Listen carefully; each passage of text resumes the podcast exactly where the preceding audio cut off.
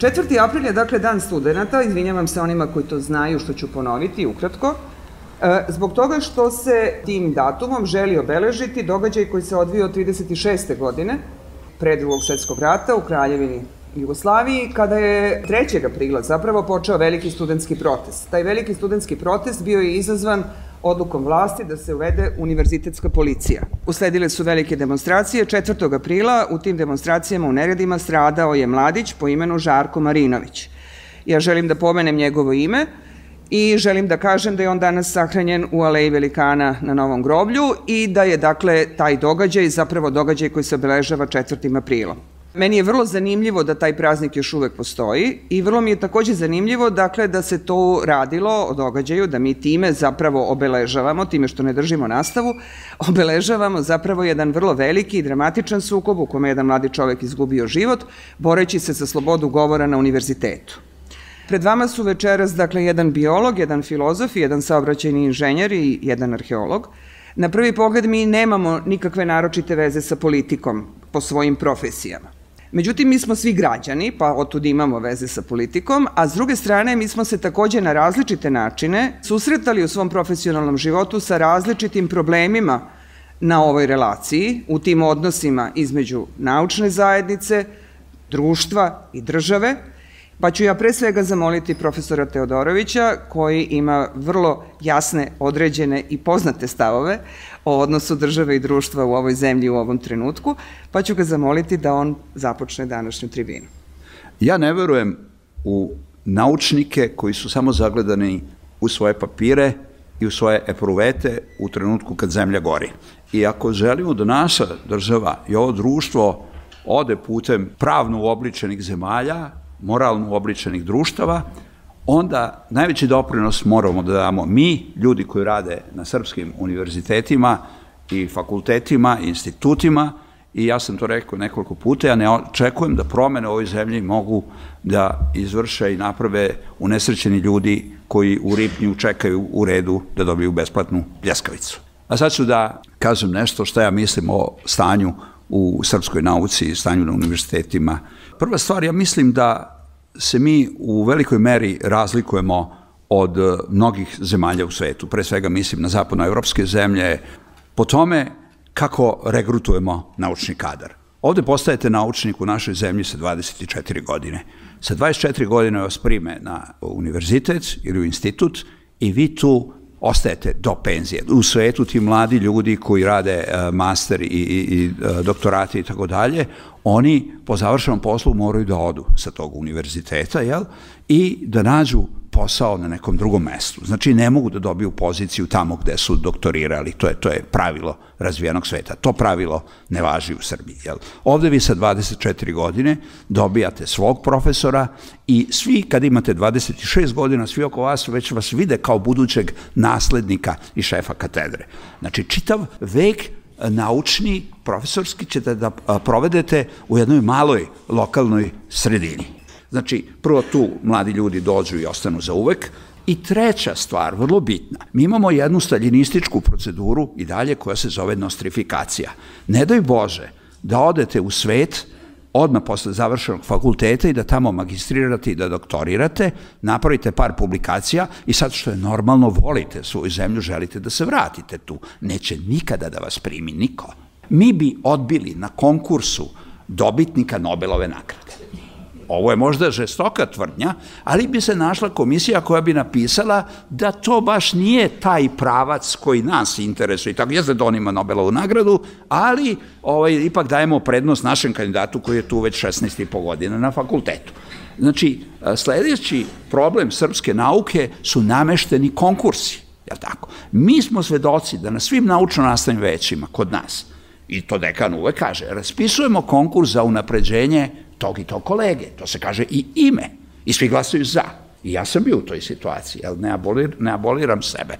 Znači, to je tako godinama. Šta ako se javi neko bolji? S druge strane, mnoge moje kolege, kad su pokušavale da odu, možete da odete na najbolje škole, Northwestern, MIT, Berkeley, gde god, u pokušaju da se vratite ponovo, neće da vas prime. Znači, mi se ponašamo prosto neprijateljski prema ljudima koji su želeli da, da odu negde i da naprave, da naprave e, nekakve rezultate. Jel? Takođe vidim problem u tome kako je organizovana nauka. Znači, mi imamo e, stalno tu borbu između fakulteta i instituta sa elementima animoziteta, sa besmislenim birokratskim zahtevima da kad ste naučni savjetnik da bi bili mentor moramo prvo da zbiramo uredovnog profesora i tako dalje.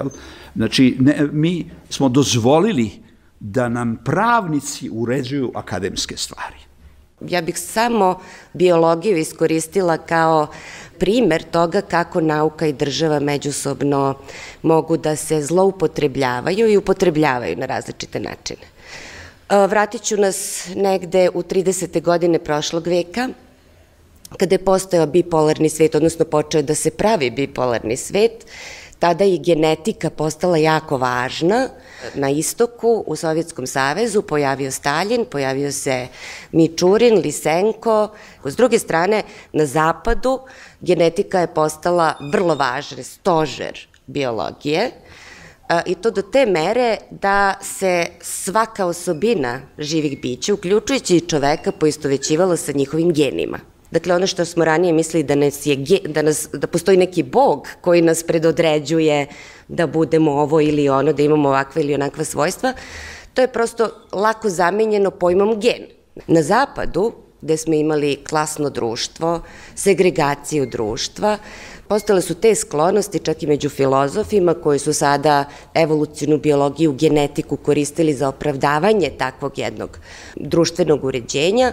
Postala prosto e, tendencija da se to klasno društvo, podele među ljudima, definišu kao prirodno stanje stvari. Da, postoje siromašni, postoje bogati, a zašto? Zato što su oni bogati nosioci nekih odličnih gena, nekog divnog nasleđa, pa su oni nasledno superiorni u biološkom smislu, dok su ove niže klase siromašni ljudi, siromašni zato što i treba da budu siromašni jer su oni biološki predodređeni da budu siromašni. Zatim podele među narodima, rasama, među polovima, Dakle, uvek je neko superiorniji od drugog, pa smo imali naravno već krajem 30. godina i Treći rajh koji se upravo zasnivao na tome. S druge strane, ajde da pomenem i drugu stranu, nauka u Sovjetskom savezu je morala da prestane da se bavi genetikom. Pojam gena je bila neka buržoaska koncepcija o kojoj ne treba da se priča u komunističkom društvu. Svi genetičari, svetski poznati, bili su strpani u gulage, mnogi od njih, Dakle, bili su kažnjeni za to, ideja je bila zapravo da se ništa ne nasleđuje, ponašanje ljudi, njihova shvatanja, njihovi pogledi na svet, organizacija društva zavisi isključivo od okruženja, odnosno od socijalnog konteksta. Na taj način zapravo postojala ideja da se svaki pojedinac može naučiti da bude podređen društvu, kolektivnom mišljenju, Dakle, gubila se mogućnost da budete drugačiji od drugih. S druge strane, vi opet imate totalitarizam u smislu zaista nehumanih eh, pogleda na eh, ljudsku različitost, pogleda na to da ste vi već predodređeni da obavljate različite funkcije i ne možete se maknuti iz te kaste sloja u kome ste se rodili. Ja mislim da ovo najbolje iscrtava kako nauka može biti zloupotrebljena. Mnogi naučnici u tome učestvuju vrlo rado.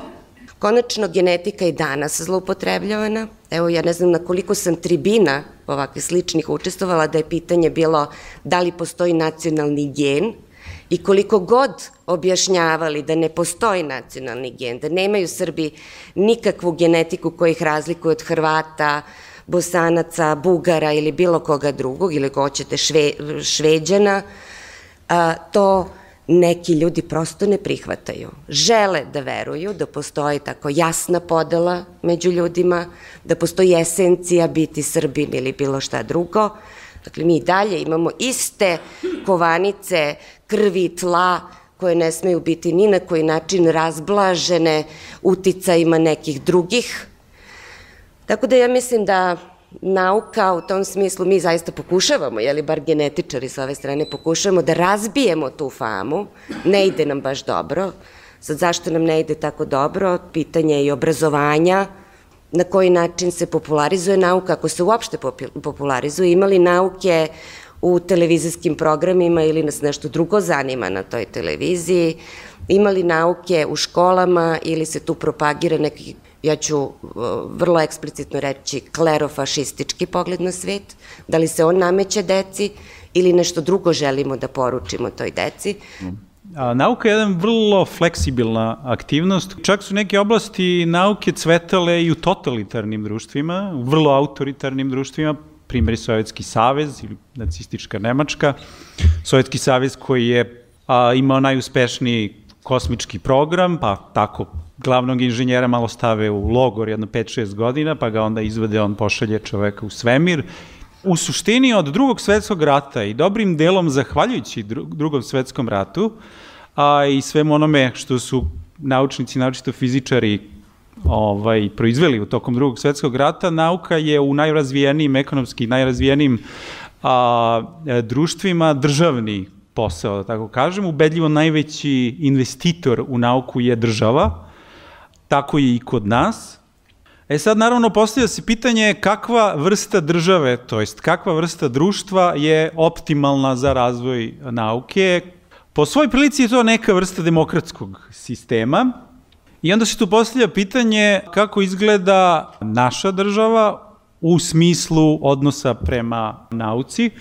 Ja sam pogledao, ne morate da budete veliki naučnik da nađete te podatke, ne možete da odete na website Svetske banke i vidit ćete da od pre nekoliko godina recimo, ulaganje države Srbije u nauku je negde vrti se oko 0,5% društvenog bruto proizvoda. Znači svega što se proizvede u Srbiji odvoji se 0,5 i uloži se, sada je verovatno 0,3 zbog mera štednje koje traju godinama, Gde nas to svrstava? Tamo gledate onu listu, iznad je Kolumbija, ispod je Tunis. Ekonomski razvijenije zemlje sve ulažu iznad 2%, iznad 2,5%, one koji zaista puno ulažu, ulažu iznad 3, kao recimo Južna Koreja ili Finska, to su neko ekstremni primjeri. Sjedinjene američke države, šta god mislili vi ideološki o a, toj a, zemlji, ulaže 2,7%, zemlja od 350 miliona stanovnika. I to je i dalje ubedljivo, kako kažem, glavni štab manje više svih naučnih disciplina, dobrim delom iz tog razloga. Druga stvar koja je vrlo bitna je u kojoj meri je korumpirana država. Drugim rečima, kako se organizuju naučne institucije, kako se ona finansiraju, zavisi toga kako je korump, u kojoj meri je korumpirana država, ima indeks i za to uradi se empirijsko istraživanje i onda vidite na tom indeksu da je Srbija gora od okruženja, zemalja kao što su Bugarska, Mađarska, Hrvatska, a one su najgore u Evropi. To je još jedan od faktora koji tih 0,3% smanjuje, da tako kažem. Tako da to je, to je država i državna politika i vizija države prema nauci.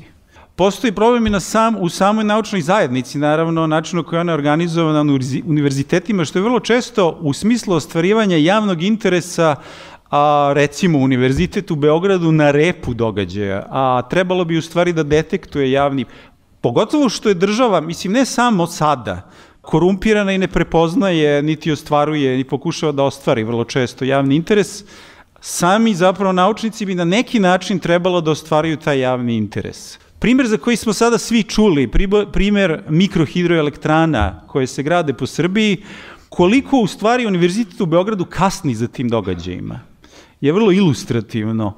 Ja se sećam, ja sam čuo za taj problem tek prošle godine. U stranoj štampi, tačnije u Guardianu recimo, postojali su tekstovi 2015. 16. i 18. o problemu mikrohidroelektrana na Balkanu. Znači, ne generalno.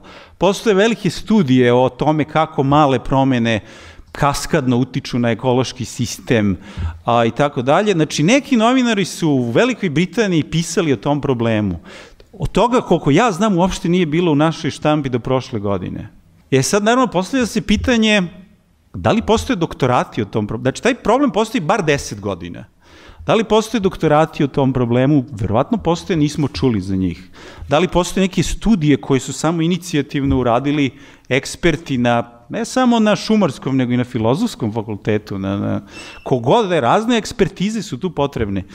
Koliko ja znam, ne postoje i onda u stvari univerzitet ne, ne, ne odigra tu ulogu korektiva države, državne korupcije koju bi mogao da odigra. Zašto se to, zašto je to slučaj? Neodoljivo mi je da se povežem na ovo što je govorio profesor Perović e, primjerom iz svoje struke koji je upravo aktuelan. E, radi se o izgradnji e, gondole na Kalemegdanu kojim se putem ugrožava jedno kulturno dobro od izuzetnog značaja o čemu pretpostavljam e, da dovoljno zna javnost poslednjih dana i o tome da se struka pobunila, da su se udružene struke koje se ovim bave pobunile, da nismo pitani na vreme. Činjenica je s druge strane i da smo kasnili u redakciji, ali smo svejedno baveći se ovim problemom saznali kad smo kod finansiranja jedan impozantan podatak.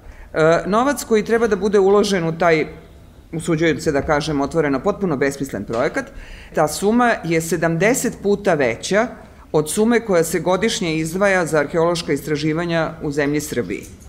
Ja mislim da taj podatak dosta dobro ilustruje brigu države za istraživanja, a pogotovo dobro ilustruje brigu države upravo u onoj sferi u kojoj država voli da nas obavesti da brine o nama, a to je naša tradicija i nekakve istorijske vrednosti i kulturne vrednosti na kojima se ova zemlja trebalo bi da se zasniva. Ja sam samo htela da se nadovežem na uh, male hidroelektrane, pošto je li tu biologija, mi se bavimo ekologijom i zaštitom životne sredine. Mi jesmo reagovali, to nije moj, moje područje, ali uh, biološki fakultet jeste reagovao, ali postoji ta tendencija uh, u ovoj državi da se struka apsolutno ništa ne pita Dakle, to vidimo i po Beogradu šta se radi, struka e, se ni ne konsultuje, a kamoli da se pita za bilo šta. Tako je isto i sa malim hidroelektranama. Sad je pitanje, i ja to mogu da zamerim univerzitetu, nama svima, što uopšte nismo glasni ili nismo dovoljno glasni. Čini mi se da smo e, prosto se utopili u jedan trend koji ja često zovem stupidizacija društva ili oglupljivanje društva. Mi smo se prosto uljuljkali kao univerzitet u tu ideju da je to jedan svetski proces stupidizacije, pa mi tu ne odskačemo previše, mi smo u tom svetskom trendu zaglupljivanja stanovništva i moramo da se ponašamo kako je, kako je inače mainstream u uh, celom svetu. Ja mislim da apsolutno ne moramo i ne smemo to da radimo. Mi smo mala država koja nemamo nikakve resurse osim toga što možda nešto možemo i da uradimo što se pameti i obrazovanja tiče. Univerzitetska zajednica, akademska zajednica Srbije nije dovoljno hrabra. Uh, jedan od vodećih arhitekata Srbije, uh, uh, Bakić, kolega Bakić, je rekao da treba da branimo svojim telima centar Beograda. Ja ću da vam kažem jednu stvar. Na saobraćanom fakultetu postoji predmet koji zove analiza transportnih mreža. Taj predmet postoji svuda u svetu, tako se i zove, Transportation Networks Analysis. Ja sam osnovao taj predmet pre 25 godina, nismo ga imali. I predavao sam ga 25 godina. U prvu knjigu iz te oblasti objavio sam u Engleskoj pre 30 godina. I nikad me niko nije pitao jednu rečenicu da kažem za, u vezi sa ovim haosom koji se dešava. Znači, uh, svi će da razumeju sledeći problem. Kad imate jednu mrežu i kad ovde nešto zadrmate, to utiče na čitavu mrežu. E sad, vi imate ljude koji su po političkoj liniji došli ovde na čelu sa, kako se zove, Vesić, jel? I sad oni kažu, sad ćemo ovo da zatvorimo, sad ćemo ovo da razlupamo, sad ćemo... I sad mi svi ćutimo, jel? Znači, nije naučnik sagledan samo u svoje pruvete. Mora da bude svestan trenutka u kome živi i da reaguje na najbolji, na najmoralniji moguć način. Jel? To je ono, šta bih ja radio da imam pravo odlučivanja, kako ste rekli, da budem ministar. Jel? Pa vidite, ja bih učio iz primera drugih. E, dve zemlje, nekoliko zemalja mi pada na pamet. To je Kina, to je Turska, to je Južna Koreja. Godinama u Južnoj Koreji niste mogli da dobijete docenturu ako nemate doktorat sa top svetske škole. Znači, to je nacionalni projekat bio. Sad će možda naše sujete da budu pogođene, ali da li smo mi stvarno sposobni i da li imamo toliko znanja iz svih oblasti koje postoje u savremenoj nauci da budemo mentori, aha imam dva asocirada, ja sam mentor. E, moj projekat bi bio državni projekat, slanje mladih ljudi od MIT-a, Harvarda do Berkeley-a, Kalifornije, Caltech i tako dalje i njihov povratak sa državnom obavezom da uđu na univerzitet, da se ne pitaju katedre. To je državni pitomac koji dobija docenturu i dobija povlašćenu platu i dobija ovlašćenja da razvija određene stvari. Ovo je opet podatak koji mnogi ovde prisutni danas znaju. E, dakle, e, naučna zajednica u ovoj zemlji danas se nalazi u kojoj devetoj godini projekta, projektnog ciklusa, koji je bio raspisan tako što se od nas tražilo da napravimo projekte sa vrlo pedantnim e, redosledom postupaka i nekakvim planom kako ćemo funkcionisati u vremenu i u kom trenutku ćemo koji output da proizvedemo i tako dalje, za trajanje od četiri godine. Dakle, mi smo dobili projektni zadatak da napravimo predlog istraživanja koje treba da traje četiri godine. Kada su istekle te četiri godine i još narednih koliko da ne brojim, sad jer sam slabo u matematici, mi iz godine u godinu treba da dodajemo još po neko parčence tog projekta koji treba da bude smislen u odnosu na ono što je prethodno bilo od nas traženo za četiri godine. Koji nivo sigurnosti, samopoštovanja i ozbiljnosti se očekuje od naučne zajednice u Srbiji koja je tome izložena. Dakle, mi smo praktično neprekidno podsjećani da je ceo sistem finansiranja jedna velika šala, jedno veliko simuliranje. Tako da ako mi unutar sebe gubimo neke vrednosti, neko osjećanje samopoštovanja, neko osjećanje mere i pristojnosti, pa nije ni čudo. Ja sad učestvujem na ovoj tribini ali sam pre podne prebacio, javili su mi Dušane, pogledaj, i onda sam vidio jednu, ne znam kako zove u istočnoj Srbiji, one što, žene što padaju u, u ovaj trans, pa u nesvest. Tako jedna ispred Skupštine grada je padala, ove su je polivali vodom i tako da. I to je sad trenutak, u istom danu ja sam učesnik tribine koja priča o problemima nauke, jel? A još sam u šoku, ovaj, jer ovi su fašisti, ovi su ovakvi, i tako da. To je trenutak u kojem mi živimo. Tako da ja mislim da rešenje naših problema, bez želje da politizujem situaciji, ipak leži u političkoj sferi. Nećemo da imamo ministra uh, koji je bio u privatnoj školi sin od predsednika vlade, ove, nećemo da imamo pomoćnika ministra koji ima problematični doktorat od, izdat od ustanove koja nije imala prava da iz, i tako da je sad vi kad tuče. Znači, mi moramo da imamo ljude koji će da kažu da, ja sam taj i taj, uradio sam to, ponašat ću se ovako, odgovoram za to. I moramo tako da gradimo poverenje. A to je onda političko rešenje. Na, nažalost.